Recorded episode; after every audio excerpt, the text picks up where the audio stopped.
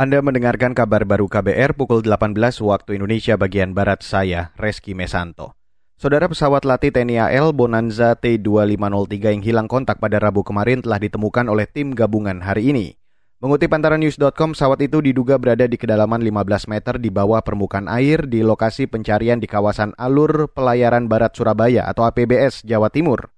Kini tim mengupayakan pengangkatan pesawat tersebut dari dalam air. Pesawat itu diawaki pilot dan co-pilot yakni Judistira Eka Permadi dan Dendi Kresna Bakti. Pesawat latih itu hilang kontak di kawasan APBS saat berlatih bersama jajaran Komando Armada 2 Surabaya kemarin.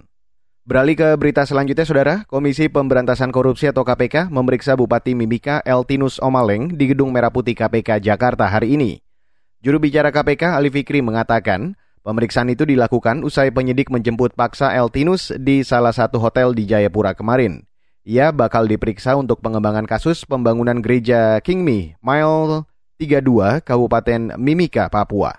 Kami menilai yang bersangkutan uh, tidak kooperatif selama proses penyidikan perkara dimaksud uh, dilakukan oleh KPK uh, eh, dan KPK sebelumnya juga telah berkirim surat yaitu surat panggilan sebagai tersangka terhadap yang bersangkutan eh, pada tanggal 10 eh, dan 17 Juni 2022 namun tidak hadir memenuhi panggilan dari tim penyidik KPK. Usai pemeriksaan, KPK langsung menahan Bupati Mimika Eltinus Omaleng sebagai tersangka korupsi pengadaan barang dan jasa pembangunan gereja Kingmi di Mile 32 Mimika, Papua.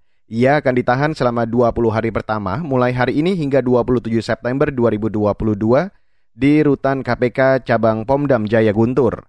Penahanan dilakukan setelah ada bukti permulaan yang cukup. Kita beralih ke lantai bursa saudara, di mana indeks harga saham gabungan atau IHSG hari ini ditutup menguat 45,26 poin ke level 7.232.